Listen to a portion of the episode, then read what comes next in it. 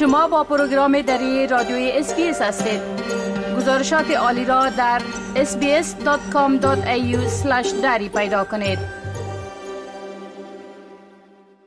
حال با جاوید روستاپور خبرنگار برنامه دری بر جنوب آسیا با تماس هستیم که اونا درباره تازه ترین رویدادها در ارتباط به افغانستان صحبت می‌کنن. آقای روستاپور سلام عرض می کنم خب اولتر از همه گفتم میشه که طالبا یک کمیسیون را برای بررسی خانه های شیرپور معذف ساخته که ببینن که این خانه ها را مردم چطور تصاحب شدن که اکثر از مقامات حکومات سابق در اونجا خانه ساخته بودن و زمین گرفته بودن بله؟ با سلام وقت شما بخیر آقای شکیب بله امان گونه که اجتماع اشاره کردین طالبان گفتن که کمیسیون ویژه بررسی را ایجاد کردن که زمین های دولتی شیرپور و جایدادهایی که در گذشته بین مقام های حکومت پیشین توضیح شده ای را بررسی می‌کنند. طالبان تاکید کردند که هدف از ایجاد این کمیسیون ای است که این زمین ها و این جایدادهایی که در شیرپور و وزارت برخان کابل توضیح شده به گونه بسیار نادلانه بوده و بین مقام های پیشین منطقه گفتن غصب شده و توضیح شده. شخصی به نام عبدالمید جهادیار سخنگوی کمیسیون گفته که حدودی 60 تا 100 جریب زمین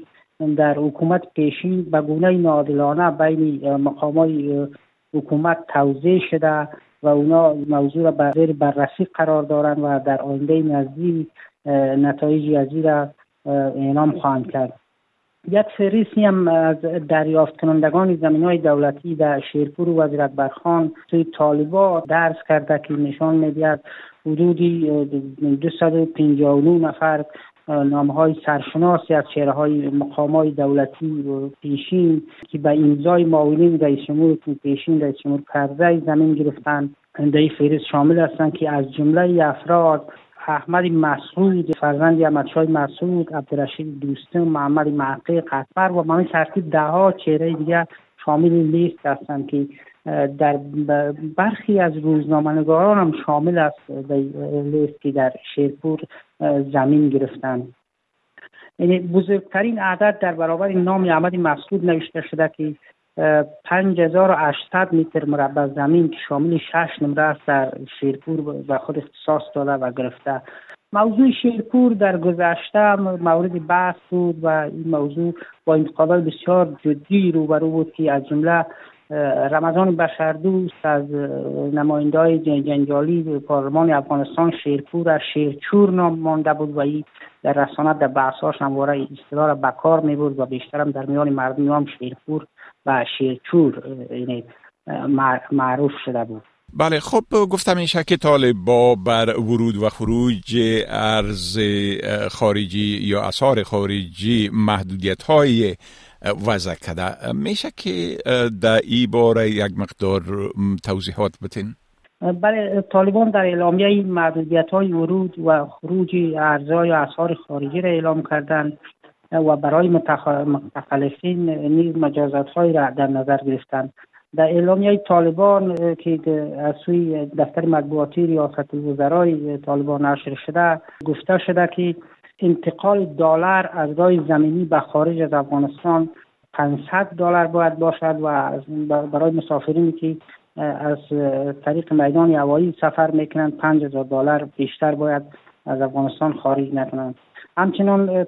طالبان تاکید کردند که در بازار داخلی از پول افغانی واحد پول ملی افغانستان باید استفاده شد طالبان گفتند که اندازه تعیین شده باید دقیق عملی شد و کسایی که از این حدود سرپیچی کنن و پول بیشتر با خود به خارج از افغانستان ببرن گفتن کسایی که از پنج هزار دلار بیشتر ببرن این تا یک میلیون دلار اگر به خارج انتقال بتن یک سال یا سه سال یا زندانی می‌کنن. و به همین ترتیب کسایی که از 500 دلار از راه زمینی مسافرت می‌کنن اگر یک هزار تا پنج هزار دلار ببرن یا شش ماه زندانی خواهند کرد. طالبان تاکید کردند که آوردن پول خارجی هم از بیرون ممنوع است. که گپی جالب است. برای نخستین بار است که این موضوع از طریق دولت عملا اعلام میشه از طریق حکومت اما در همین حال منابع در گذشتم چند بار گزارش شده بود در رسانه ها که دلار از افغانستان به پاکستان قاچاق می‌شد و در بنادر افغانستان مقام های طالبان با کسایی که پول را قاچاق می‌کنن همدست هستند و کمیشن می‌گیرن و عمدتا پول را به پاکستان دلار را قاچاق می‌کنن. بله خب اتحادی پاهنتون های خصوصی در افغانستان در اعلامی هشدار دادن که ای پاهنتون ها در خطر بسته شدن قرار دارن. اگر در ای باره یک مقدار معلومات بتین اتحادیه پاهنتون ها و نهادهای تحصیلات عالی در اعلامیه گفته که بیش از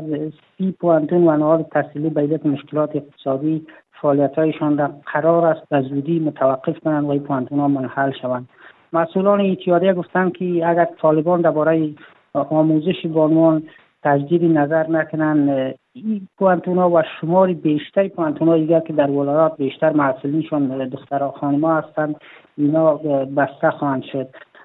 محمد کریم ناصری مسئول دفتر رسانه‌ای اتحادیه پوانتونا و مؤسسات تحصیلات عالی خصوصی گفته که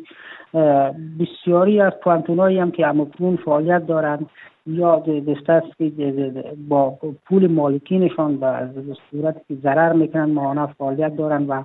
اگر این وضعیت دیر دوام بیارد تحصیلات عالی خصوصی در افغانستان همه بسته خواهند شد و ایرامه نخواهد داشت. از سوی هم یک پوانتون معتبر که تا سطح ماستری در افغانستان محصل میپذیرفت به نام پوانتون افغانستان. ای گفته که فعالیتش متوقف می‌کنه و به زودی این پوانتون را گفته به فروش گذاشته ولی کسی هم تا حال نیست که پوانتون را بخره. همزمان با این باز هم دختر خانما و شماری از محصلین روز گذشته در یک فضای سربسته اعتراض کردند و از طالبان خواستند که زمینه تحصیلی دخترها را مساعد بسازه و دخترها با پانتونا بر بگردن اما جالب است که وزارت تحصیلات عالی طالبا اعلامیه داده که روی یک کارشیوه کار می‌کند که زمینه را برای برگشت محصولین دختر با پانتونا مساعد خواهد ساخت و این اعلامیه یا در رسانه اجتماعی واکنش برانگیز شد و بسیاری ها گفتند که طالبان اصلا چنین برنامه ای ندارند. تنها می‌خواهند که به چشم مردم خواب بزنن و جانیان فرید بدن که ما دوباره پانتونا را باز می‌کنیم و زمان دارن سپری می‌کنن بله خب بسیار تشکر آقای روستاپور از معلوماتتان و فعلا شما را به خدا می سپارم و روز خوش برتان آرزو می‌کنم. وقت شما هم خوش خدا حافظ و ناصرتان. می خواهید این گونه گزارش ها را بیشتر بشنوید؟ با این گزارشات از طریق Apple Podcast، Google Podcast، Spotify و یا هر جایی که پادکاستتان را می گیرید گوش دهید.